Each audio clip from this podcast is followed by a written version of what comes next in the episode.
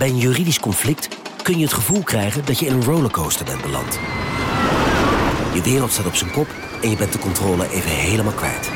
Dan is het fijn als je bent verzekerd bij ARAG. Daar werken topjuristen en advocaten die je begrijpen. Die een stap extra voor je zetten. En je het gevoel van controle teruggeven. Met kennis en informatie, met heldere uitleg en met gericht advies. ARAG, juridisch probleemoplossers. Een maatschappij waarin iedereen meedoet. Een gezonde, groene en rechtvaardige wereld. Daar willen jij en heel veel andere mensen best iets aan bijdragen. In het klein en in het groot. Dicht bij huis en ver weg. Zo hebben we vorig jaar 349 miljoen euro bij elkaar gebracht. Miljoenen waarmee onze goede doelenpartners de wereld elke dag een beetje beter kunnen maken. Nationale Postcode Loterij. Samen voor een betere wereld.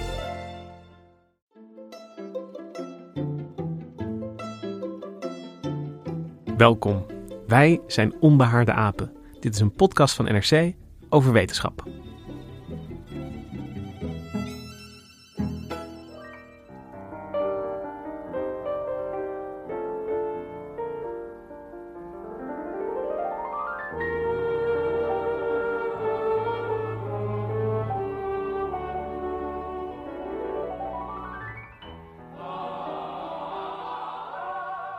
Dit zijn de zwoele, zweverige tonen van het nummer Lunar Rhapsody van Samuel Hofman. En waarom luisteren we daarna? Nou, omdat dat het nummer was dat Neil Armstrong in 1969 luisterde toen hij op terugweg was vanaf de maan naar de aarde. En uh, ja, Armstrong had even daarvoor natuurlijk over de maan gelopen. En de maan, daar gaan we het vandaag eens even goed over hebben. Want ik zie hem zo vaak aan de hemel staan dat ik hem eigenlijk voor lief neem. En nou ja, vanaf de aarde kijk ik dan naar de maan en dan zie je die kraters. Uh, je ziet hem wassen en dat is, dat is groeien. Dan wordt hij groter. Je ziet hem afnemen, dan wordt hij weer kleiner.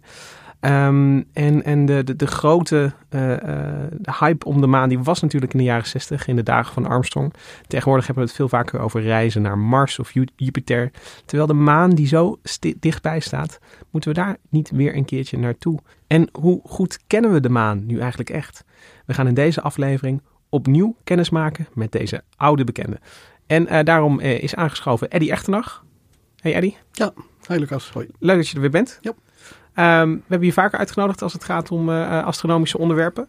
En nu gaan we het eigenlijk hebben over, um, ja, ik zeg al van het is een, het is een oude bekende. iedereen kent hem, de maan. Um, dat is toch waar eigenlijk ieders, iedereen die een beetje van astronomie houdt, die begint toch bij de maan. Was dat ook voor jou zo? ja, zeker. Maar dat had onder andere ook met, dat, te, met die periode te maken. Want ik ben een kind van de jaren 60. En uh, ja, dan praat je dus over de tijd van de Apollo-reizen. En ja, daar heb ik natuurlijk, voor zover daar beelden van waren, heb ik die gezien in heel slecht zwart-wit. Op een hele oude televisie, uiteraard, ouderwetse. En keek je zelf dan ook in de achtertuin door een telescoopje uh, of verrekijker nee, naar de maan? toen nog niet. Nee, ik had, ik had toen, op dat moment had ik nog even niks. Maar uh, toen ik uh, een beetje ouder was, kijk, de eerste maand toen was ik een jaar of, uh, wat zal het zijn geweest, acht. En een paar jaar later kocht ik mijn, mijn eerste telescoopje. Een heel simpel ding hoor, helemaal niks bijzonders. En eigenlijk was de maan het enige wat je er goed mee kon zien. Dus dan ga je al snel op de maan richten. Ja, en dan zie je toch wel verrassend veel. En dan zie je best heel veel, ja. Dat is opvallend. Ja, ja je kunt echt met een heel bescheiden telescoopje kun je al heel mooi die, die, die, die kraterlandschappen en die, en, die, en die donkere zeeën tussen aanhalingstekens bekijken. En dat is echt heel leuk. En, en tegenwoordig kun je, kunnen we de luisteraars wel aanraden om zelfs wel met een, als je door een verrekijker kijkt, dan kun je ja, al. Een verrekijker is al heel, heel erg de moeite waard. Ja, tuurlijk. Moet je vooral een keer doen. Zeker een beetje bij, bij mooie. En dan, dan, moet je dan niet per se bij volle maan doen, want dan, dan zijn de, de details een beetje, die, die vallen een beetje weg in de gloed van het licht. Maar, maar als een beetje halve maan, dan, dan is het echt, echt een fantastisch mooi gezicht om naar de maan te kijken. Dat moet je, moet je zeker een keer doen. Ja, en aan tafel is ook uh, aangeschoven Hendrik Spiering. Hallo. Uh, jouw voorliefde voor de maan kennen we al uit onze uh, ja, podcast. Die ging over ja, de race naar de maan ja. eigenlijk. vandaag gaan we het hebben over de, de maan zelf. Um, was jij net zo uh, uh, begeesterd door de maan als, uh, als Eddie destijds? Nou, ik heb nooit als kind door sterrenkijkers gekeken en zo. En het, het, het, ik heb een jaar of tien geleden een hele eenvoudige telescoop gekocht. En de schok als je dan de maan echt heel vergroot ziet. En inderdaad niet voor volle maan, maar dat je echt het licht over die kraters ziet vallen. Dat is echt wel ja, een, een, een soort ruimteervaring eigenlijk. Dat, is, dat kan ik echt iedereen uh, aanbevelen. Zelfs een verrekijker, maar ook ja, iets groter misschien. En dan ja, de hoeveelheid licht die er ook van afkomt. Je, kunt zoveel zien. Ja, wat mij dan opvalt uh, is dat de maan is ook een, een gewoon echt een ruimteobject dat, dat je volledig kan zien. Want, want afgelopen week stond Venus bijvoorbeeld heel erg mooi aan de, aan de hemel. Maar dat, dat, dat lijkt dan toch een, een, een lichtpuntje. Weet Ja. je? Terwijl de maan is gewoon. Ja, het is wat het is. Hij is bijna tastbaar, zou je kunnen zeggen. Ja, Venus dat is toch nog is meer een schijnwerper, zou je kunnen zeggen. Dat, is, die is wel heel, heel helder, maar die... Ja, dat, ook daar zie je trouwens wel door een telescoop wel, wel, wel schijngestaltes in, hoor. Maar dat is... Ja, en het bolletje met Het eh, bolletje, Jupiter en Venus. Dat, ja, dat ja. zijn toch wel ervaringen dat je ziet dat, het een, dat een ster is een puntje. Ja. Maar een, eh, een planeet dat is echt een bolletje. En dan denk je, oh, Ja, Ja. ja. dat is mooi. Uh, mijn naam is Dikos Brouwers. En Eddie, ik dacht laten we eens even beginnen met... Uh, ik zei al, we gaan even opnieuw kennis maken met een oude bekende. En ik uh, zat uh, een beetje over de maan te denken. En ik dacht, ik, ik, ik zie gewoon vanuit mijn eigen achtertuin... verschillende dingen gebeuren met de maan. En ik dacht, laten we gewoon even ze één voor één langslopen... en uitleggen wat er dan achter zit. Um, hebben het al benoemd. De maan uh, ja, wisselt eigenlijk van, uh, uh, van, van mate van hoe die belicht is. Eigenlijk. Ja, van gestalte. Van gestalte. Van gestalte, letterlijk. Ja. ja. Dat is de, de, de chique term. hij gaat van, van zo'n een heel klein reepje naar een halve maan, naar een volle maan. En dan gaat hij ook weer terug. Ja. Um, hoe kan dat? Wat, wat gebeurt er? Kan dat nou? Hoe kan dat nou? Ja, nou, het is, het is in feite simpelweg het gevolg van het feit dat de, de maan om de aarde draait. En uh, daardoor uh, valt het zonlicht uh, voortdurend vanuit een andere hoek op het maanoppervlak als je, als je het vanaf de aarde bekijkt. En bij volle maan staat, als je de volle maan voor je ziet, dan staat de zon bij wijze van spreken recht achter je. Onder de horizon natuurlijk, maar recht achter je. Nou, maar je hebt het ook wel eens bij, als hij overdag te zien is. Ja, maar dan is het altijd een partiële ja. fase. Hè? Dus dan is hij altijd half verlicht of zo. Oh. Hè? Dus dan maar dus nooit, nooit helemaal. maar uh, inderdaad, en, en uh, dat is een cyclus die die gewoon eens in 28 dagen uh, doorloopt. Hè? Dus, alles, alles draait in het zonnestelsel en je moet altijd de goede draaiing zien te identificeren om een hemelverschijnsel te verklaren. Ja, nou dit is de draaiing van de maan om de aarde. Ja. ja. En iets anders dat ik de maan zie doen is als ik het, uh, uh, stel ik zie de maan om acht uur s avonds op een bepaalde plek staan.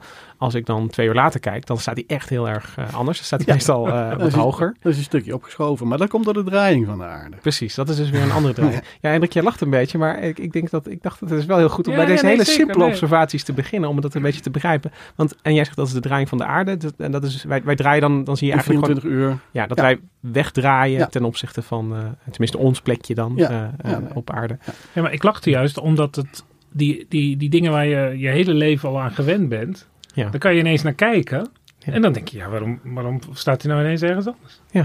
Nou, dat had ik dus een beetje Ja, toen nee, ik zo zat, eh, juist heel goed. zat te denken.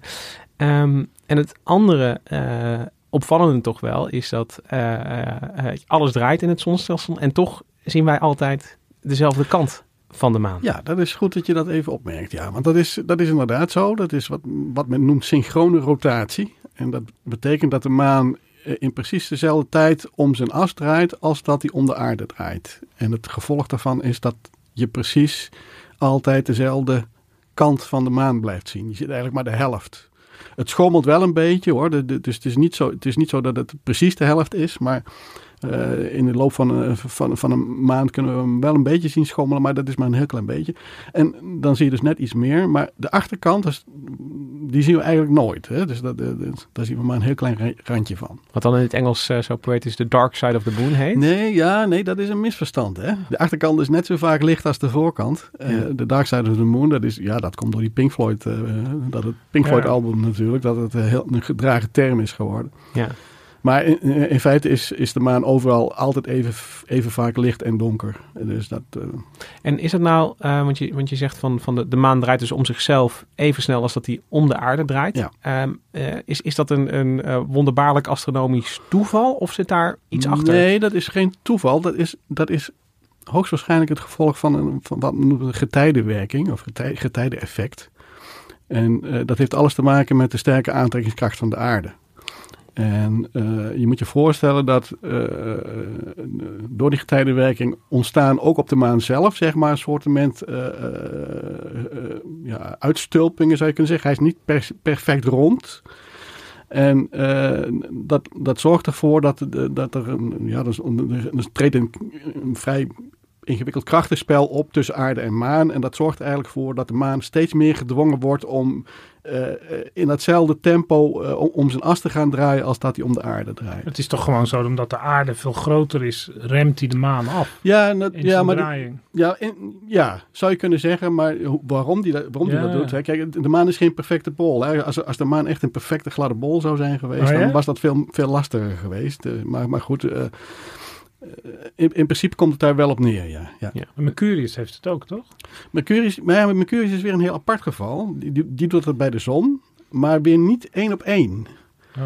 Dat, is, dat, is een, een, dat is ook wel een synchrone rotatie, maar dan met een, uh, een verhouding 2 staat tot 3. En dan, dan moet ik altijd even goed nadenken welke de twee Hij is nog niet helemaal afgeremd. Ja, en of dat ook gebeurt is ook nog maar de vraag. Want uh, de, de, de, de baan van Mercurius is een ellips. Dat maakt het ook alweer ingewikkelder. En bovendien heeft hij ook meer last van de andere planeten dan... dan, dan nou Oké, okay, terug naar de maan. ja, terug, terug, naar de maan, ja, dat lijkt maar, me verstandig. Wat, wat, ik wel interessant vind is dat het een hele uh, simpele observatie is. Maar als het gaat, en ik denk dat we dat vaker gaan tegenkomen als het om de maan gaat. Maar dat, dat je uh, dat, de verklaring voor waarom dat zo is, die is nog niet zo uh, evident.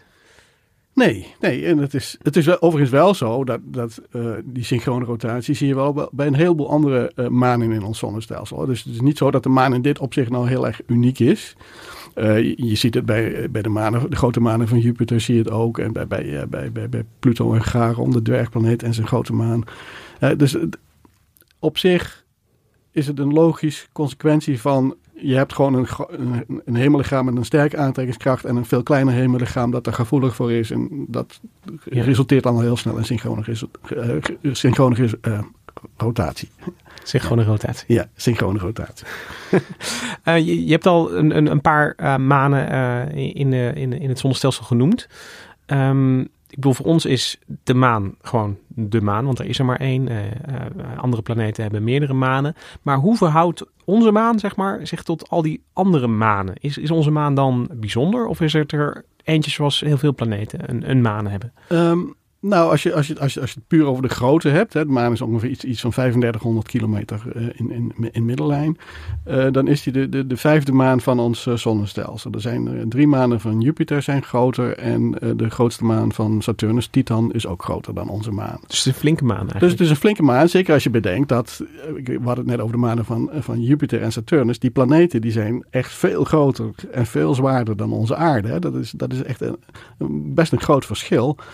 Uh, en dat wij desondanks zo'n grote maan hebben, dat is op zich wel heel bijzonder. Ja. Dus de aarde telt echt mee op maangebied? Op maangebied uh, doen, we, doen we zeker mee, ja. ja, ja. En zijn we dan ook nog, uh, want Jupiter en Saturnus zijn ook gasplaneten. Ja. Um, zijn we daarin ook bijzonder dat we, dat we als, als uh, rotsplaneet... Nou, ja, als rotsplaneet zijn we, zijn we helemaal bijzonder. Want in feite zijn maar... Uh, ons zonnestelsel kent drie, uh, naast de aarde drie rotsplaneten. Hè. Dus dan heb je nog Mercurius, Venus en Mars. En uh, Mercurius en Venus hebben zelfs helemaal geen maan. En Mars die heeft maar twee hele kleine maantjes. Dus uh, wat dat betreft, ja, steken we er wel bovenuit, ja. Ja. ja. En als het gaat om, voor mij voelt de maan best groot als ik gewoon naar buiten kijk en hij staat aan, aan de horizon. Oh ja. Daar ken ik nog iets voor. Hij is namelijk heel klein. Want als je namelijk, dat, als je, je moet je arm strekken ja. en dan je duim omhoog.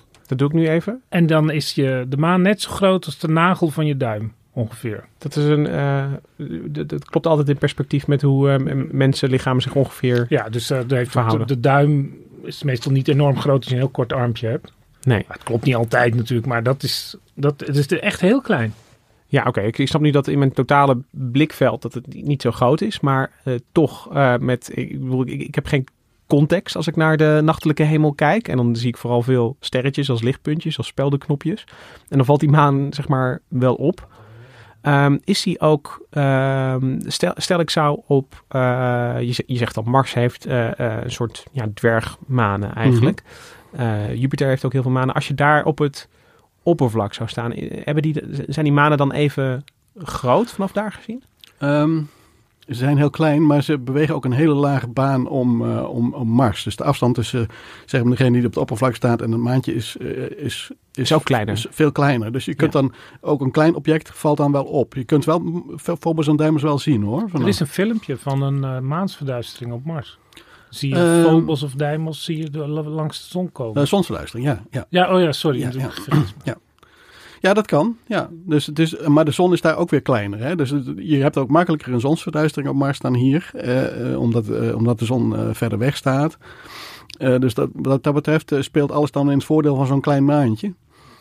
Eh, in ons geval is het, is, het, is het helemaal perfect natuurlijk. Omdat de maan, eh, als je in grootte aan de hemel vergelijkt met de zon, dan is die vrijwel precies even groot. Ongelooflijk. Dus diezelfde duimnagel van Hendrik Diezelfde- eigenlijk, ja, die, die kan ook de zon Ja, maar dat is dus Dat moet je nooit doen, want dan Nee. je recht bij de zon. Ja, maar goed, ik bedoel, eh, je kunt ook zeggen van het, het feit dat die duimnagel van Hendrik eh, net zo groot is als de maan en de zon, dat is op zich ook alweer een toeval. Hè? Ik bedoel, eh, dat- dat- Ja, dat mag ik hopen, ja. Ja, maar dat, je bedoelt het is een toeval omdat het, eh, er- er is geen, net zoals Nee, er die is- sy- er is- synchrone rotatie, nee, er is geen, is wel. er is eh, geen wettelijke eh, eh, wetmatigheid die zeg maar eh, dwingt dat er op een gegeven moment eh, zons- of maansverduisteringen ontstaan. Dat is, dat, is, dat is echt toeval. Ik denk echt dat dat het enige bewijs is echt dat we in een hele bijzondere tijd leven. Dat het precies past. Ja, maar je moet je wel realiseren dat. ehm, eh, kijk, nu past het precies, inderdaad. Eh, eh, maar de, maan, de afstand tot de maan die, ver- die verandert in de loop van de tijden. hoe verandert die dan? Nou, dat, hoe verandert die of hoe, hoe snel bedoel je? Ja, hoe snel, welke kant gaat het op? Oh, hij gaat, oh ja, hij, hij gaat eh, van ons vandaan. En, maar heel langzaam hoor. Dat is met een snelheid van ongeveer 4 centimeter per, per, per jaar. Oké. Dus dat is, dat is, is maar een heel klein, eh, een klein verschil. Maar op de lange termijn ga je dat wel merken. Hè? Want als de maan van ons vandaan Lange gaat... termijn, eh, miljoenen jaar. Ja, dan, praat je over eh, inderdaad honderdduizenden of miljoenen jaren. Want Neil Armstrong die hoefde twee meter minder ver dan dat hij vandaag de dag zou moeten. ja, ja, daar komt het wel een beetje neer. Hè? Ja, ja. Ja. Eh, maar eh, eh, op miljoenen jaar gaat het natuurlijk wel tellen. Ja, dan gaat het tellen. En dan, dan kom je op een gegeven moment op het punt dat die maan eh, vanaf de aarde gezien gewoon te klein wordt eh, om nog de hele zon eh, af te dekken. En dat is nu ook al, want de maan staat niet altijd even Klopt. ver. Want het is een Ja. soort eh, eh, o- ovaal heet dat denk ik. Ja, een ellips. Ellips. Ja. En je hebt wel eens zo'n ringverduistering, dat de maan op zijn verste weg staat. Ja. Dus dat is dan 420 of zo. Zoiets in die orde, ja. 1000 kilometer. En dan, ja, dan past hij er net voor. Dan zie je wel die ring. Maar nu, nu ik sla even aan op iets anders wat je zegt, Hendrik. Want je zegt eh, als de maan op zijn verst Ja. eh, staat. Want is daar, eh, is daar dan verschil in hoe, eh, wat, wat de afstand tussen aarde en maan is? Ja, die, die varieert eh, een, een klein beetje. Dat is, eh, dat is, dat is in orde. v- Ja, ik, ik, ik ben 40, 50.000 Ja, is in, op, in de orde van 10%, hè, zeg maar. Dus, dus tussen zijn verste punt van de aarde en, en zijn meest eh, nabije punt van de aarde is in de orde van 10%. eh, Dat is nog best wel fors. We- weet je wat het bizarre is? We, we kunnen die afstand tot de maan dus echt gewoon tot op, de, op, op een fractie van een centimeter nauwkeurig meten gewoon. Hè? Dat is, dat, dat, ik, bedoel, ik, ik, ik noemde net eventjes van, je, eh, hij, hij komt eh 4 centimeter per jaar verder te staan. Ja. Maar dat moet dus ook gemeten worden. En, en het, het aardige is dat we dat doen met die stokoude eh, soorten met spiegels die Apollo-astronauten destijds in de jaren 60 op de, en ja, jaren 70 op de maan hebben neergezet. Echt waar? En, en, en ook nog een, een, een, er is ook nog eentje van een Russisch Ja, karretje. de Russische kar, die Een Russisch karretje heeft ook nog zo'n spiegel bij zich. En die worden dus vanaf de aarde bes- bestookt met, met laserbundels. En dan moeten echt astronomische aantallen fotonen op die, op die dingen af worden geschoten om één of twee terug te krijgen. Maar het lukt.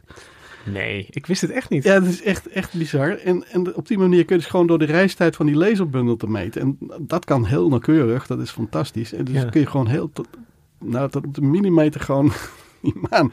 Maar- maar de- de, de- vanuit de aarde bestoken we eigenlijk de, de, de maan voortdurend met Nou ja, laserlicht. Niet, ja, niet voortdurend, het zal periodiek Er wordt gebeuren. iedere maand eh, heeft de conciërge van het astronomisch instituut de taak Nee, om maar- op die knop te drukken. denk ik. Maar dat, dat, is, dat is echt zo'n bizar idee dat je, dat je gewoon die afstand gewoon zo nauwkeurig kunt meten. Ja? Dat is- Ik En vind- pas ik- sindsdien weten we denk ik dat hij ook langzaam weggaat. Ja, zeker. Ja, tenminste in ieder geval wat, wat precies het tempo is. Ja, ja. Maar dat, het, het is wel, eh, eh, het- het is zo'n eh, poëtisch experiment bijna. dat ik, ik had er nog nooit van gehoord. Echt, echt mooi. En Eddie, je hebt het ook al even genoemd op, eh, toen het over die synchrone rotatie ging. Toen zei je even van, van ging het even over de getijdenwerking. Maar toen had je het over de getijdenwerking op de maan eigenlijk. Ja. Maar waar we de maan ook van kennen, eh, tenminste dan, weet je wel, je gaat met je, je bent klein en je gaat met papa en mama naar het strand. En Ja. dan zie je het water komt en het water gaat. Eb en vloed. En dan wordt er gezegd, ja, dat komt door de maan. Ja. Ehm, En dat is ook zo. Dat is ook zo. Voor een belangrijk deel hoor, moet ik er gelijk bij vertellen. Want ook de zon eh, oefent, eh, oefent een, een aantrekkingskracht en een getijdenwerking op de aarde uit. Maar die van de maan, de, de, de invloed van de maan is het sterkst. En nu- wil ik mijn ouders best geloven dat het door de maan komt. Ja. Maar ik, wil, ik wil toch graag nog een keertje van jou horen, zodat ik het heel goed kan uitleggen aan mijn kinderen straks. Ja, ja dat, is, dat, is best wel, dat is best wel een dingetje. En, en het grappige is dat eh, de verklaring die je eigenlijk overal leest en ziet, of je, of je nou een sterrenkundenboek pakt, of, of op YouTube kijkt, of op wat dan ook. eh, Bijna allemaal staat het, op bijna alle plaatsen staat het fout. Oké.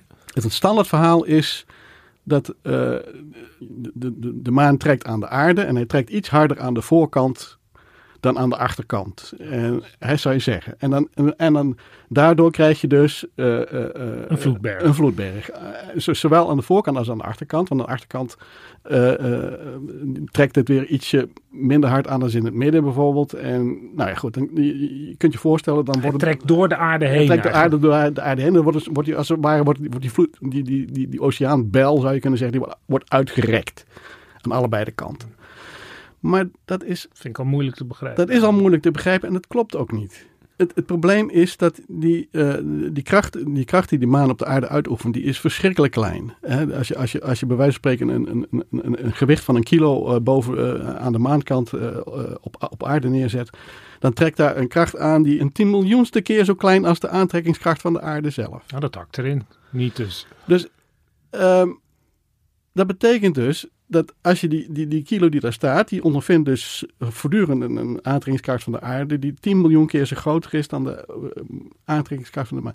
Er is geen beweging in te krijgen op dat moment natuurlijk, want eh, Nee, dat, dat, dat, niet dat omhoog valt- richting maan. dat valt gewoon in het niet. Nee. En, en zelfs en als het wel zo zou zijn, dan zou dat betekenen dat je niet, niet alleen eb en vloed hebt eh, eh, eh, in de oceaan op aarde, maar dan zou bij wijze van spreken ook het water in een zwembad eh, eh, op en neer moeten gaan met de getijden. Want dan werken diezelfde krachten op. Ja, maar er, er komt niks bij. Dus dat, dat probeert dan uit zijn bad omhoog te komen. En Ja, maar ja, dat lukt natuurlijk ik niet. bedoel, maar, maar een, maar, maar, maar die, een golf is wat anders. ja, maar, maar, maar hoe ontstaat die golf dan? Dat is ook weer waar, ja. Ja, Maar Eddie, red ons uit dit. Ja. eh, nou, hij dit- gaat nu vertellen dat het eigenlijk gewoon tovenarij is. Nee, nee, nee, nee, nee. Het is, het is, het is, het is, het is, het is sub- subtieler. Het is subtieler dan zeg maar die, die, die berg die eh, aan allebei de kanten ontstaat door de, de aantrekkingskracht van de maan. Dat is in principe wel waar, maar dat geldt in feite alleen maar op precies op het punt op aarde wat, wat recht onder de maan ligt. En het, precies op het punt wat precies aan de achterkant van de aarde zit op dat moment. Daarvoor eh, kl- klopt het verhaal wel een beetje, van dat, daar, daar werken dan relatief grote krachten op. Maar waar ook krachten op werken, dat zijn alle andere punten langs de omtrek van de aarde. Alleen als je daar de, de, de, de krachten gaat uitrekenen, dan, dan, dan krijg je eh, ja, wat men noemt vec- vectoren. Je, maar je kunt, die, je kunt die krachten dus zien als een soort pijlen, zou je kunnen Mhm. zeggen. En die pijlen vanaf de zijkant van de aarde, die lopen een beetje schuin ten opzichte van, ten opzichte van die centrale Ja. pijl. Hè? Dus dan moet je een beetje, voorstellen. Op Wikipedia staat er ook wel een aardig plaatje van. Dus dat kun je dan eventueel nog even opzoeken. Maar je krijgt dan een, een, een- allemaal pijltjes die naar, naar, naar, naar binnen wijzen. Vanaf de zijkant gezien. Dus wat gebeurt er? Er is wel een kleine extra kracht. Maar die kracht die doet niks anders dan het water vanaf de zijkant samendrukken zou je kunnen zeggen. Als een Ah. soort waterbed. En daardoor verzamelt het zich eh, bovenkant en onderkant de oceaanwater. Eh, Het zijn wel allemaal hele kleine krachtjes, maar omdat het op elk punt op het aardoppervlak overal op die oceanen aangrijpt, wordt dat water langzamerhand een, een beetje naar binnen gedrukt. ja, als alle watermoleculen op aarde een klein stapje eh, naar dat centrale punt Precies. gaat, dan schuift er uiteindelijk heel veel op. Dan verschuift het heel veel op. En, da- en, en, en dat is natuurlijk ook letterlijk zo. Want diezelfde krachten, die werken op al die watermoleculen. En dat, daardoor krijg je dus dat die vloedbergen ontstaan aan boven- en onderkant van de, Ja, je, dus, dus je, je, je zou kunnen zeggen van, van op elke liter zeewater werkt maar ja, ja, die, die, 10 eh, miljoenste die 10 kracht. miljoenste kracht. Ja, maar er zijn heel veel liter zeewater. En En zo kun je toch miljoenen liter zeewater verplaatsen uiteindelijk. Ja. En, en, en, en, wat- en, en Hendrik merkt terecht op natuurlijk dat doordat die, die, eh, die, die oceaanbekkens en al die, eh, dat- je hebt ook nog smalle zeeengtes en weet ik wat allemaal, dat water moet overal doorheen, kruip door, sluip door. Dus het, dat, het is niet volmaakt, eh, dat systeem, maar eh, in principe is dit het, is dit het hoofdverhaal. Ik vroeg me nog af, ehm, als je naar de maan kijkt, dan eh, valt vooral, nou ja, vallen die kraters eh, vooral op. Je hebt een Mhm. aantal hele grote kraters.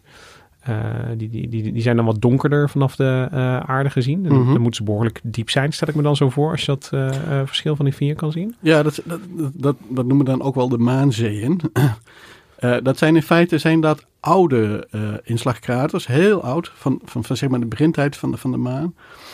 Eh, die later zijn volgelopen door vulkanische activiteit. Hè? Dus dat, dat er van- vanuit in de omgeving ergens vulkanische activiteit is geweest. Dus lava uit, uit, uit, de- uit het inwendige van, Maanlava dus. maanlava uit het inwendige van de maan gestroomd. En dat, die is in die bekkens gestroomd die eerder waren ontstaan door grote inslagen. Ah, En daardoor krijg je eh, van die egale vlaktes. En die zijn ook wat donkerder dan de rest van de maan. Ah, maar de, de maan was dus ooit vulkanisch actief. Ja, En dat is, dat is voorbij.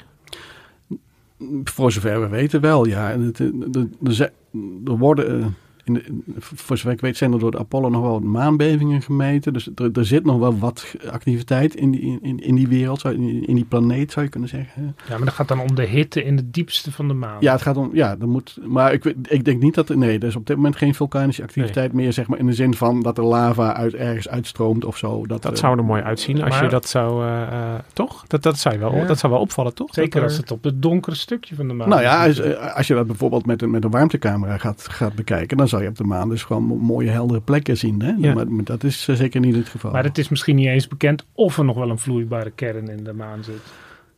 Nee, nee, nee, dat is, dat, is, dat is bij de maan sowieso al een lastig dingetje. Ehm, eh, er zit wel een, een kleine ijzerkern in en mogelijk ook nog wel iets van, iets van vloeibaar, maar dat is, zeker, on- dat is heel onzeker. Ja, Ja. ja. En als je nou naar al die kraters op de maan eh, kijkt, is dat, is dat gewoon wat er eh, gebeurt met een eh, rotsachtig object in het zonnestelsel? Eh, als, er, als er verder niet. Nee, maar Als je onbeheerd achterlaat. ja, precies. Als je hem ergens parkeert en, en je laat er gewoon. Die komt een paar miljard later ja, terug en moet je kijken wat er gebeurt. Ja, Ja, nee, dat, nou, nou, nou ja, dat is zo. Je moet je realiseren, de maan heeft geen atmosfeer. Dus dat, dat, dat maakt dat eh, wat er eenmaal aan gaten ontstaat, hè, wat er aan, aan kraters ontstaat en dat soort dingen, die blijven ook bijna on- onveranderd eh, miljarden jaren lang bestaan. Hè? Dus die, die krater, dat telt alleen maar op, er komen alleen maar meer bij. Op aarde hebben we ook heel veel kraters gehad, ongetwijfeld, maar die zijn allemaal door erosieprocessen zijn die verdwenen. Op de maan heb je ook al erosie, maar dat is, dat is een ondergeschikt eh, eh, proces in feite. Ja, dus als je op de maan komt, dan ziet het er eigenlijk nog steeds uit. Er ligt misschien wat meer maanstof in de loop der jaren. Ja, daar maar komt maanstof bij. Maar ja, maar, en, en nou ja, goed, de, de zon, het ruimt ook niemand op. de, z- de, zon, de zon werkt erop in en, en, en, en, en me- me- kleine meteorietinslaagjes en zo. Maar, maar als, je, als je bijvoorbeeld nu kijkt naar de maan, de, de- je kunt nog steeds de, spoor, de bandensporen Ja. zien van de Apollo-astronauten Ah. die daar de laatste, bij de laatste Apollo-missies over hebben, eh, hebben rondgereden. Hè? Ja. Dus er draaien nog eh, een sortiment eh, satellieten om de maan en die, die maken op, foto's van het oppervlak. En dan kun je gewoon die sporen van die, van die banden nog zien. Ik zag ook laatst eh, plannen voor een, eh, als er dus echt meer landingen naar de maan komen. Bijvoorbeeld eh, de Chinezen, die zouden dan zomaar door dat historische Apollo 11 gedeelte kunnen lopen. En Ja. dat zijn dus allemaal plannen om dat een soort beschermde Ja. UNESCO-achtige erfgoedplek eh, te Ja. maken. een beschermd eh, inter, interplanetair erfgoed. Ja, Oké, ik heb nu het gevoel, Eddie, dat ik ehm, inderdaad opnieuw heb kennis gemaakt met, met de maan. En een beetje snap hoe die zich door eh, langs de hemel beweegt. En wat het eigenlijk is, wat de maan daar doet met de aarde en wat wij met de maan doen. Ehm, maar we hebben nog één aspect eigenlijk van de maan onbenoemd gelaten. En dat is hoe de maan daar ooit gekomen is. Want het is natuurlijk best wel ja, bijzonder. eh, want we, we gaven al even aan dat de maan een van de grootste manen is in het zonnestelsel. Zeker als je het vergelijkt met, met eh, eh, om welke planeet draait hij dan heen. Ehm, dus ik wil eigenlijk wel weten, hoe is de aarde ooit aan de maan gekomen? Waar komt de maan vandaan? Ja. Ja, dat is, dat is een moeilijke vraag. Ja, dat is Zeg een, het nou maar gewoon. Dat is een ver- ver- ver- ver- verbazingwekkend moeilijke vraag. Er zijn wel tien theorieën over, als er geen twintig zijn. En eh, sommige daarvan zijn heel oud. En daarvan weten we inmiddels wel van dat het niet erg waarschijnlijk is dat het zo is gebeurd. De, de, de meningen erover zijn in de loop van de decennia natuurlijk ook wel eh, behoorlijk veranderd. Maar er is nog steeds geen eh, alles overtuigende, alles en iedereen overtuigende theorie op dit moment.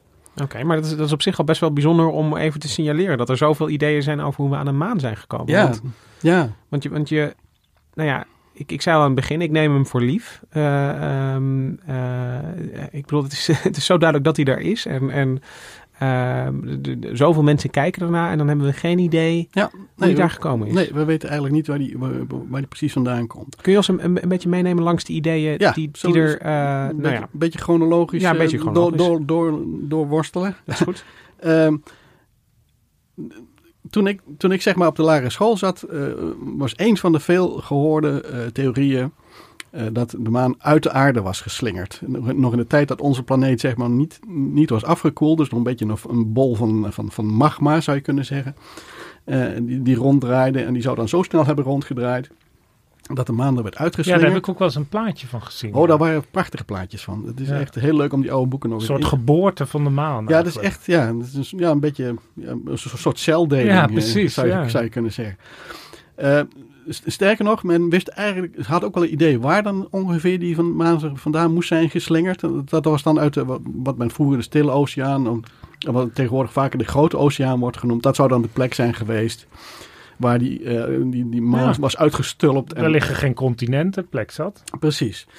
Ehm, het, het, het grote probleem, zit met die theorie zijn tal van problemen, maar eh, een van de meest voor de hand liggende is dat eh, oceaanbodemmateriaal op aarde, dat is een paar honderd miljoen jaar oud. Dat, Ja. die- daar zijn de leeftijden goed van bekend. En dat heeft alles te maken met het verschuiven van die continenten.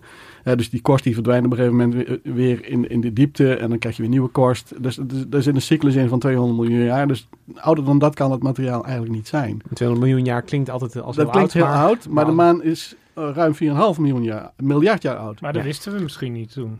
Nee, dat wist men toen niet. Hè. Dus, Als we er nu met de bril van nu naartoe kijken, weten we waarom dat bijvoorbeeld niet kan. Hè. En, en dat is een van de redenen waarom.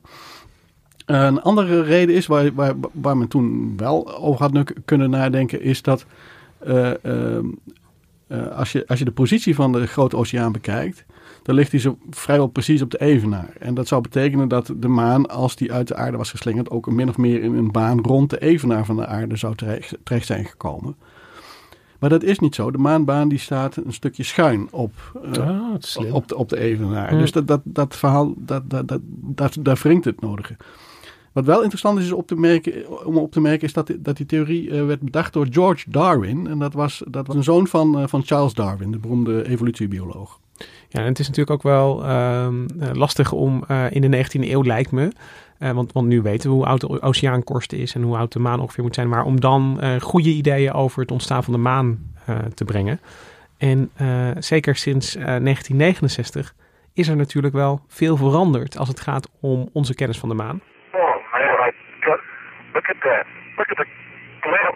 Wow. I'll see twinning in there. Guess what we just found? Guess what we just found? I think we found what we came for. Crystal rock, huh? Yes, sir. Better believe it. Yes, sir. Flash in there. What a beauty. That is really a beauty. And there's, so- there's another one down there. Yeah, we'll get some of these. Tag it up. Ja, geweldig om naar te luisteren. Ja, zo praten piloten als ze eh, heel veel geologie hebben geleerd. Pack it up, guys. Ehm, in 1969 eh, gingen natuurlijk Neil Armstrong, Buzz Aldrin en Michael Collins naar de maan. Ehm, maar daarbij is niet gebleven. En eh, wat waar we hier naar luisterden was een fragment uit 1971. De Apollo 15 met daarin de astronauten David Scott en James eh, Irwin. En eh, ze vinden hier een stuk steen, Eddie. En eh, ze zijn er behoorlijk enthousiast over. Ja, Plagio Klaas. Ja. Wa- wa- waarom, waarom zijn eh, Scott en Irwin hier zo eh, content mee met wat ze vinden? Nou ja, dat, dat is het soort steen dat je op aarde heel veel vindt. En, en, en, en ze waren naar op zoek volgens mij, als ik het, Nou, als, als ik ja. het fragment er goed volgde. Het, het is natuurlijk fijn als je, als je op, op de maan, waar, waar natuurlijk van allerlei so- soorten stenen liggen, die mm, over het algemeen nogal nondescript zijn, als je dan opeens iets vindt wat, wat gewoon heel herkenbaar is. Het is een, een deel van, de, van de, de korst van de maan. Ja. En wat je heel veel vindt overal is, eh, eh, hoe heet dat? Regoliet. Dat is de inslag eh, dat is dat, dat stof, ja, Ja. stof, puin, ja. En maar ook ste- gesteente wat En- ontstaat bij inslag. En ook, ook eh, vulkanisch spul, basalten, eh, Ja. hebben ze- ook heel, heel veel gevonden, maar dat zijn allemaal een beetje vormeloze eh, stenen. En hadden ze het over crystalline rock. Ja, crystalline, ja, dat, het heeft een kristalstructuur, ja. En eh, eh, nu, nu weet ik ook dat het meenemen van die maanstenen, nou, ja, dat, dat was eh, een van de hele concrete resultaten van, van al die maanmissies. Eh, maar wat hebben we daar dan van opgestoken als het gaat om eh, het nadenken over ja, hoe de maan gevormd is? En Nou, het, het, het feit dat die maanstenen zo ontzettend veel op die van de aarde lijken, dat, dat beperkt in ieder geval al het aantal mogelijke theorieën dat je, dat je erover zou kunnen hebben. Ja, niet dat die is ingevangen, dat het eigenlijk een, eh, van buiten komt. Nee, want dan zou je verwachten dat zo'n samenstelling heel erg afwijkt eh, van die van de aarde. En eh, ook eh, tegelijkertijd ontstaan, zeg maar, eh, eh, uit hetzelfde bronmateriaal? bronmateriaal. Dat is ook niet zo waarschijnlijk, want eh, ja, de maan heeft geen ijzerkern. Dus als je met hetzelfde bronmeta- eh, met, met, met, met, eh, bronmateriaal begint, dan zou je verwachten dat de, de maan ook een flinke ijzerkern zou hebben. Hè? Ja, Dus- want dat was eigenlijk de ontdekking. De maan is aardsteen minus ijzer. Ja, daar En- komt het eigenlijk in, in grote lijnen wel op neer, ja. En, en, en, en dat, is, dat is heel gek. En dan zou je zeggen van ja, dan, dan, dan waar- hoe, kan dat? Hè? De- en, en dat was dus in, in nou, niet 1969 was dus de eerste maanlanding. Dan heb je nog een paar andere maanlandingen daarna gehad. En het was niet onmiddellijk duidelijk dat het een groot probleem was. Maar de geologen zaten daar toch wel een beetje mee van... Ja, hoe kunnen we dat nou Ja. passen in al die oude theorieën? Ja, het hè? dringt pas langzaam tot ze En dan, door. ook dan drink- toen ja. drong het ze door dat ze met geen van die drie, drie theorieën die er oorspronkelijk waren, dan nog iets, iets konden. En, en, en eventjes voor, voor mijn begrip, eh, wat, wat Hendrik, wat jij even zo te, te loop zegt. Maar de maan is dus eigenlijk in, in, in, in chemisch, geochemisch opzicht een kopie van de aarde. Maar dan moet je ijzer weglaten. Ja, de, de- ja, de ijzerkern voornamelijk. Hè. Dus de, de, de- er is al een kleine ijzerkern waarschijnlijk, maar die, die is veel, veel kleiner relatief gezien dan die van de aarde. Wa- wa- wa- wat, gebeurt er, wat, wat gebeurt er dan in de jaren zeventig, zeg maar? Als, Nou, als dat inzicht een Dat, beetje dat, begint dat, in te dalen? dat, dat kabbelt een tijdje door zo. En, eh, Enorme tot, ruzie. tot, totdat, nou, geen, geen, geen enorme ruzie, maar iedereen begon, eh, begon be- verklaringen te bedenken. Of waarom ze dan toch met zijn oude theorie nog wel iets konden verzinnen, waardoor het dan wel geklopte. Maar het werd gewoon een, echt een, werd een zootje. En toen waren er op een gegeven moment drie Amerikaanse eh, geologen. Die waren in 1984 zo alert eh, dat ze eh, zeiden van... Nou jongens, dit moet nu eens een keer afgelopen zijn. We gaan een grote conferentie organiseren op Hawaii. En bekijk je eigen bewijsmateriaal nog maar eens goed. Het materiaal van de Apollo's, de theorieën die er zijn. En eh, dan gaan we er gewoon net zo lang over vergaderen tot we het onderling eens zijn. Een maanconclaaf eigenlijk. Ja, alsof je een paus kiest, maar dan een, een, een theorie Theorie. voor de, voor de ontstaan van de maan. Ja, dus alle, alle ge- maangeologen en, en kenners ervan die komen bij elkaar. En Ja. het resultaat van die conferentie moet een soort consensus zijn. Dat Ja, dat, van tevoren ja af. de letterlijke, de, de- die theorie die eruit kwam was ook, werd ook letterlijk de consensustheorie genoemd. En dat is de theorie die eigenlijk de afgelopen decennia nog steeds eh, eh, gebruikt is. Dat is namelijk dat de maan zou zijn ontstaan door de inslag van een ander object. Een, eh, een object ter grootte van Mars ongeveer, dat ook wel Theia wordt genoemd. En die zou met de aarde in botsing zijn gekomen, eh, schampend. Schampende botsing. En daarbij zou veel materiaal van de aarde eh, zijn wegge- weggeblazen, de ruimte in. En nou ja, goed. Uiteindelijk is het materiaal van Theia en van de aarde samen is de maan geworden. En de aarde is weer min of meer hersteld, zou je kunnen zeggen. Maar als jij het hebt over eh, die spectaculaire plaatjes uit jouw jeugd van, van zo'n eh, eh, maan die wordt weggeslingerd uit de aarde. Ja. Als ik me dit zo voorstel. Ja, dat is nog veel spectaculairder. Ja, want, want ik zie nu voor me dat er dus ja, twee hemellichamen op elkaar botsen. Ja. Nou, schampen ook. Sch- want ja, kan het botsing. niet. Ja, ja. Het, is, het is bijna een soort, soort eh, astronomisch biljart. Ja, Eh, eh, ja, maar dan biljartballen die elkaar stuk maken. Ja, Ja, en, en eh, is het dan in de fase dat eh, de aarde ook nog een, be- een beetje vloeibaar is? Is het, is het zo Mm, oud? Ja, dat denk ik wel. Ja, dat is wel vrij. ja, dat is vrij kort na de vorming van, van de planeet. Dus in ieder geval van binnen was de aarde nog steeds eh, gro- groter. Er zat maar een heel klein korstje op dan. Ja. Eh, dus, dus, dus zeg maar twee. Dus, ik stel me een soort M&M voor. Zo. M&M. ja, die, die hebben ook een heel dun schilletje. Dun- Oh, voordat je bij de chocola komt. Ik zat toch aan het cirkel, de bolvorm te denken. Oh nee. Nee, maar dus, dus, dus, dus nou ja, maar, maar dan heel groot. Kijk, in, in heel veel science fiction films worden, worden er altijd planeten opgeblazen. Ja, maar, maar, maar, maar dit, dit is dus gewoon een serieus idee. Ja, Eh, dat is een eh, serieus idee. Dat, was, dat is het nog steeds hoor. Het is niet zo dat het nu inmiddels is afgeschreven, maar er zijn wel wat problemen mee die, die, die moeilijk verklaarbaar zijn. Dingen die van de maan die moeilijk verklaarbaar zijn door deze theorie. wat, er- wat is er dan? eh, eh, ver- verklaart het wel goed dat, dat, dat ijzerverschil, dat lost het wel op, of niet? Eh, dat, dat, dat is op zich wel, wel goed, want dat ijzer bleef gewoon in de aarde. En dus Ja. Is het alleen maar een stukje mantelmateriaal van de aarde zou zijn uh, Ja, dus de aarde moet al wel ver genoeg ontwikkeld het zijn moet al dat het ijzer naar, naar binnen ja, is ja, gezakt. dus het ijzer, was al, al grotendeels in, in, in binnen gezakt. dus dat probleem lossen we op. Maar welke nieuwe problemen Nou ja. creëert de Theia-theorie? Nou, de- een van de problemen waar de Theia-theorie al mee kampt, is dat eh hemellichamen ter grootte van Mars, die vind je niet eh, eh, op elke straathoek eh, in, in ons zonnestelsel bijvoorbeeld. We hebben één planeet ter grootte van Mars en dat is Mars zelf. Heel gek. Ja, en die is er nog, dus dat was hem niet. Ja, dus eh, het is al gek dat er nog zo eentje... Waar is die gebleven? Waar is- dat is daar. nou ja, de, de restant, dat is de maan geworden uiteindelijk. De- de- de- als je- ja, maar als je- die te grootte van Mars was, dan was Ja, deel, deel, is, deel is naar de aarde gegaan en deel is, is, is naar de maan gegaan. En als je computersimulaties eh, uitvoert, dan, dan kun je ook precies zien waar eh, welk materiaal, dus waar het aardse materiaal blijft, waar het Theia-materiaal blijft. En daar zit nou juist een van de grote knelpunten. Want die simulaties laten zien dat de maan eigenlijk voornamelijk uit Theia zou moeten bestaan. En Theia kwam ergens anders vandaan. Want, want Theia is zeg maar dan, dan de, de protomaan, zeg maar. Ja, nou ja, de, de, de indringer, hè, dus Ja. het, het- het inslaande object. En het, het, kan bijna niet dat hij eh, van zo dichtbij kwam, eh, eh, van de, zo dichtbij de aarde vandaan kwam, dat, dat, dat, dat zijn samenstelling bijna identiek was. Hij moet haast een afwijkende samenstelling hebben Nee, omdat op iedere plek rondom Ja. die zon is er een ander evenwicht van lichte en zware Precies. stoffen. Hè, dus dus je, je kunt, je kunt Mercurius materiaal kun je heel goed onderscheiden van het materiaal van Venus. Van Venus weer heel goed van de aarde en de aarde weer heel goed van Mars. Dat is geen enkel probleem. Maar tussen aarde en maan zit er juist heel weinig verschil. En als dan, dan een Theia tussen heeft gezeten, het is heel moeilijk om daar eh, een, een, een, een Nou, jammer. Maar- Volgende theorie. Nee, want, want er is nog één dingetje. Want, want dat, dat de aard als een beetje eh, schuin staat. En, en dat we dus se- seizoenen hebben eigenlijk. Ja, Ehm, is, is dat iets wat, wat dan wel goed zou Nou verklaren? ja. dat we een tik hebben gekregen van een, van een andere dat, joekel? dat is dan weer een, een van de voordelen van die botsingstheorie. Is dat, dat die scheve stand van de, van, de, van de aarde daar best wel goed bij past. Hè? Ja. Want dat hebben andere planeten niet. Nou, so- sommige wel, en sommige in extremum zelfs. Eh, Venus. eh, die draait de andere kant die op. draait, dus, die draait- staat op zijn kop in feite. En Uran, Uranus die ligt op zijn kant. Eh, Oh, ja. dus, dus het gebeurt wel vaker. Dus op zich is, is het botsingsverhaal ook weer niet zo onplausibel. Hè? Dus het is, eh, maar goed.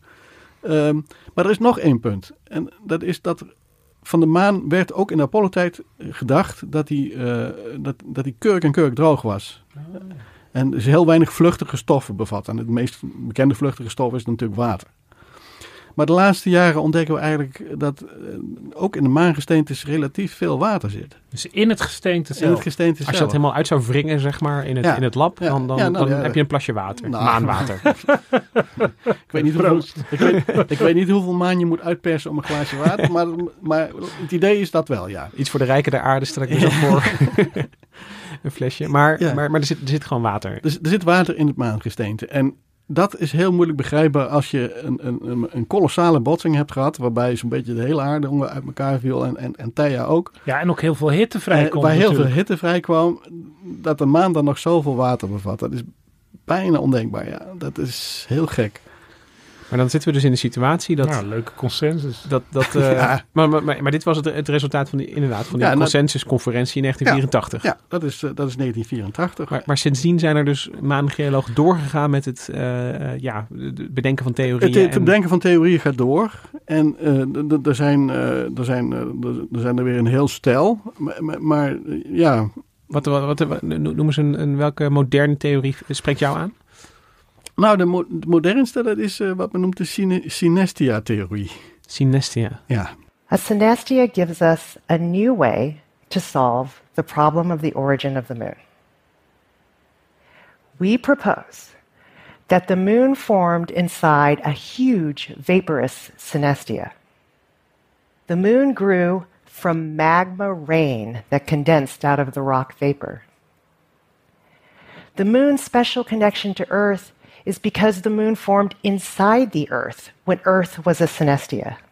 Het klinkt bijna ehm, magisch wat, wat, Ja. wat, wat, je hoort. ja, je krijgt een new, new age gevoel bij zo'n eh, bij Ja. zo'n bij zo'n Maar wat verhaal. is het? We luisteren hier naar Sarah Stewart trouwens. Dat Ja. is een, eh, een astronoom van... eh, Nou, plane- planeetwetenschapper heet dat tegenwoordig. Want astronomen die houden zich voornamelijk met dingen verder weg in het heelal bezig. Maar planeetwetenschappers die houden zich met speciaal, spe- spe- speciaal met dit soort eh, toestanden bezig. Ja. Oké, we luisteren hier dus naar planeetwetenschapper Sarah Stewart van, van Harvard. Wat bedoelt zij met een synestia? Nou, in, in feite gaat zij uit van, de, van het, hetzelfde botsingsverhaal. Dus met, met, met een Theia-achtig object. Maar die botsing die zou volgens haar eh, zo hevig zijn geweest dat de hele boel verdampte. Dus aarde zou, eh, en Theia zouden gewoon eh, compleet zijn verdampt tot een soort gasvormige magma, zou je kunnen zeggen. Dat Gasvormige macht. Ja, ja, ja hoe, ik weet niet hoe... Verdampt, eh, ver- verdampt het al, ja, tot, een, tot een wolk van... Van, van, Van silicium en basalt. Ja, van alles en nog wat. Wat er aanwezig was. En dat zou weer zijn neergeregend, maar dan verdeeld over twee objecten. Ja, En dat zou, de ene werd dan uiteindelijk de definitieve aarde. En het andere werd uiteindelijk de maan zoals we hem nu kennen. Ha, maar waarom is er dan geen ijzer op de maan? Nou, dat kun je wel verklaren, want degene die het, eh, de, de sterkste aantrekkingskracht heeft, die eh, heeft ook eh, de grootste greep op de zware, Op de regen. zware regen, zou je kunnen zeggen. En, Ah. en dat, dat, dat, dus dat is wel enigszins te begrijpen. Maar dat kan je uitrekenen natuurlijk. Dat doe je zo ook en dat, daar hebben ze ook computersimulaties van gedaan. En dan krijg je wel een, een redelijk plausibele combinatie van aarde en maan. Maar de synestia is dus een wolk van verdampt Ja. gesteente. Daar Een wolk uit. van verdampt gesteente, verdampt gesteente. Ja, daar komt het eigenlijk op neer. En, en de, de- deze theorie, als je die tegenover de Theia-theorie zet, dan is eh Theia is, is veel meer eh, twee relatief eh, complete eh, bollen die op Ja. elkaar knallen en ook als twee, twee bollen bijna Ja, weer uit elkaar schampend. Hè? gaan. Ja, schampend. Hè? Ja. Dus, die, maar dus, dat, dat, niet, dus dat bleef veel over van allebei. En terwijl nu gaan we dus... in- Alles wordt hier in één keer in een grote smeltpot gedouwd. En het, eh, eh, nou ja, elk krijgt eh, ongeveer hetzelfde spul. En dan was de bezoeker, die was er ook volop. Ja. Op de aarde. Bijvoorbeeld, ja. Dus we zijn van schampen eerder naar een voltreffer gegaan. Oké, ik vind het wel... eh, hij, hij, hij is s- zo mogelijk nog visueel spectaculair. Inderdaad. Ja, maar hij is, ik moet eerlijk bij zeggen, hij is ook vrij nieuw. Eh, Die theorie die is eigenlijk nog maar, nog maar eh, eh, ruim een jaar oud, denk ik, dat hij voor het eerst eh, gepubliceerd is. Dus het is... Ja, gelooft het nog niet. Nou, ja, eh, ik denk dan... eh, Je hebt al meer theorieën langs zien komen. Ja, ik heb al, je, hebt, je hebt zoveel theorieën zien passeren. Dan denk je ook van, ja, misschien moet het wel gewoon eens een keer eh, iets heel anders worden gezocht. En ik ben niet de enige die dan denkt. Maar waar, waar zit het, het zere punt in, in Nou, dit idee Het probleem met al die inslag, inslagscenario's is dat je, dat je door, door kleine variaties in snelheden, groottes, richtingen, eh, je, je, kunt, je kunt het op honderdduizend verschillende manieren doen. En dat kun je ook allemaal doorrekenen en er komt altijd wel iets uit wat, wat, wat enigszins op de maan lijkt.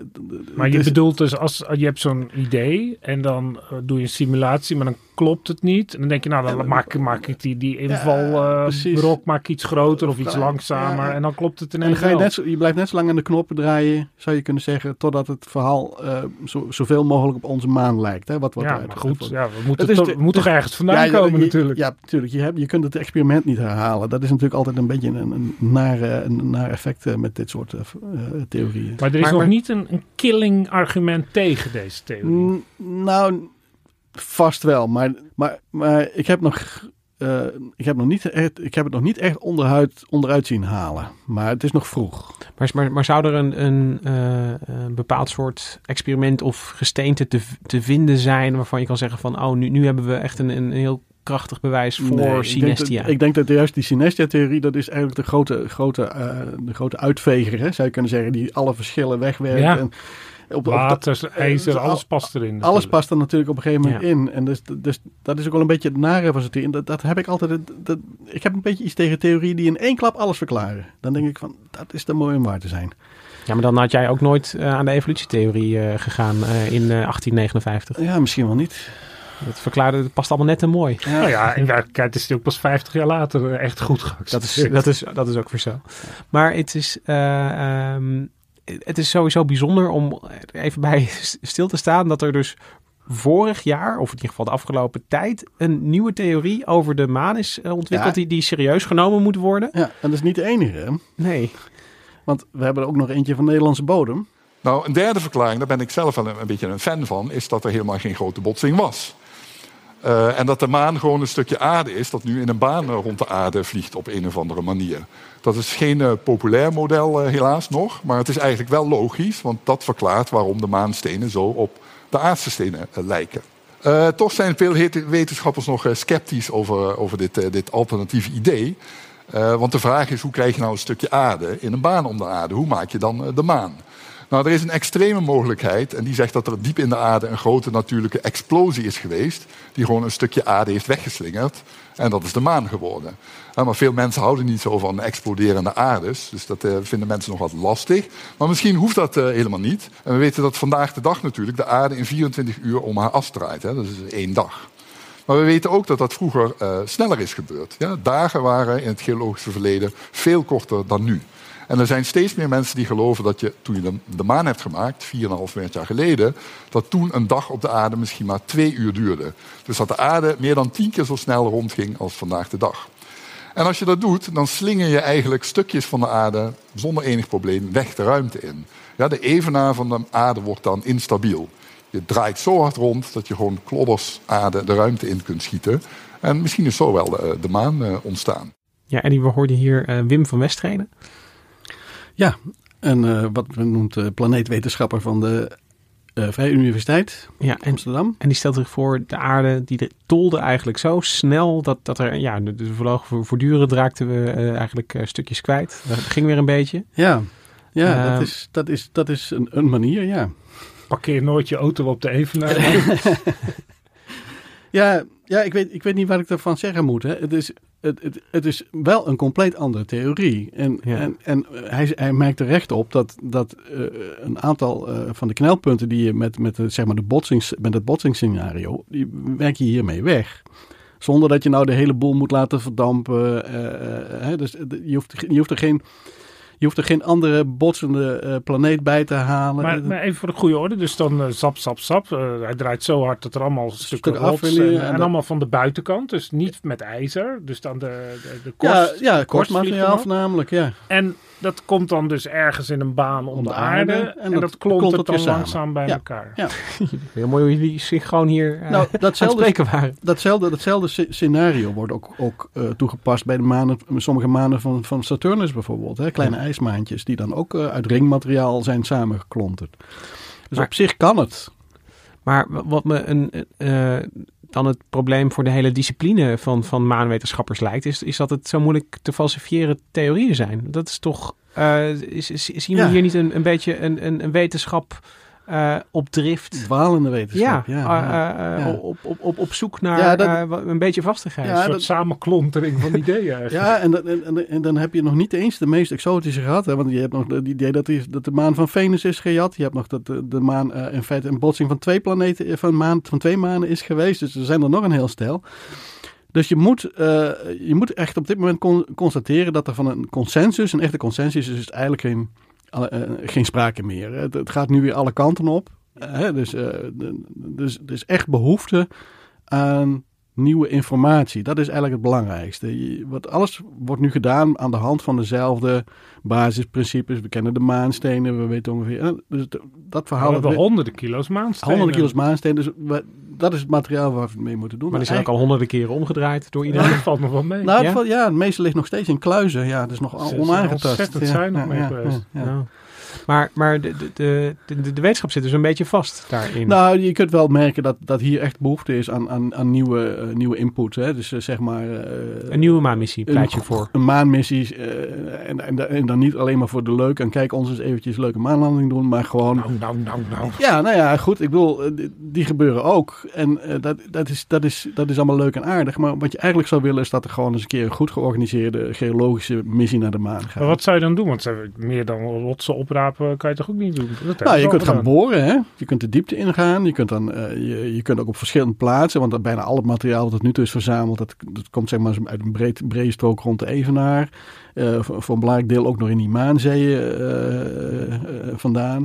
Dus je, je, je wilt eigenlijk gewoon een wat completer beeld krijgen van die, van die wereld. En dat, dat, dat lukt tot nu toe niet. En een maanboring, dat zou gewoon... Ik bedoel, op, op Mars wordt het al geprobeerd. Nou ja, op, Nog niet. Op, Ma- op Mars, op Mars staat, staat, staat een apparaat dat ook een, een, een, een een soort met hamertje in de, met, zichzelf de grond inhamert. En eh, dat, dat lukt niet zo goed, want hij, hij, hij hamert zo goed dat de, de Marsbodem die eronder zit, die wordt zo compact dat hij er niet meer doorheen komt. Oké, oké, maar het, het, het- Maar dat, het niet zo goed gaat. Omgekeerd gezegd graaft hij zijn eigen graf. Ja.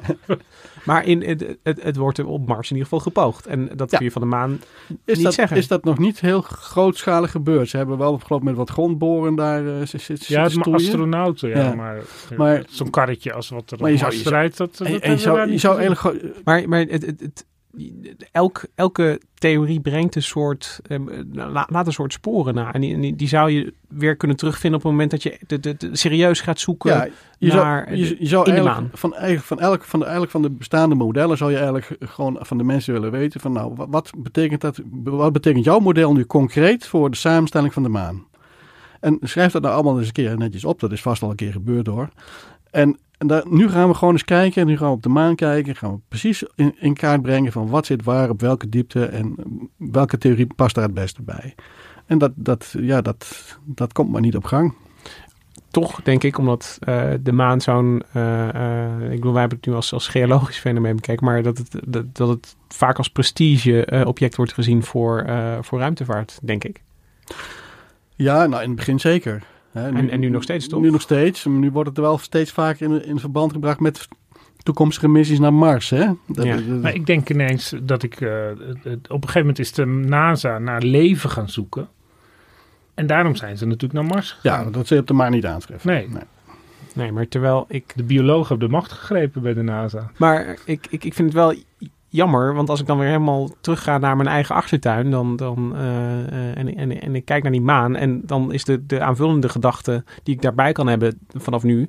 maar we hebben geen idee waarom die daar hangt. Het wonder blijft. Ja, Ja. dat is eigenlijk wel... Ja, eh, sneu staat. We, zijn, we zitten nu, eh, wat is het, inmiddels eh eh, 50 jaar na Apollo. En eigenlijk zijn we nog net zo ver als toen, zou je kunnen zeggen. dus het Ja. blijft een mysterieuze buur. Het blijft een mysterieuze buur. En dat ja. zal voorlopig ook niet veranderen. Nee, dat denk ik niet. Nee, nou dat is iets om eh, de volgende keer aan te denken als je eh, naar de hemel tuurt en een wassende of afnemende maan eh, ziet. Dankjewel, Eddie Echternach, dat je eh, ons wilde bijpraten over eh, eh, wat er wel en vooral niet bekend is over de maan. Hendrik Spiering, ook bedankt. Hoi. Micha Melita, bedankt voor de productie van deze aflevering. En het, en het strijkkwartet dat je hoorde aan het begin en einde van deze aflevering is eh, het Dudok kwartet. Ze spelen Ravel. Wij zijn er volgende week weer met een nieuwe aflevering.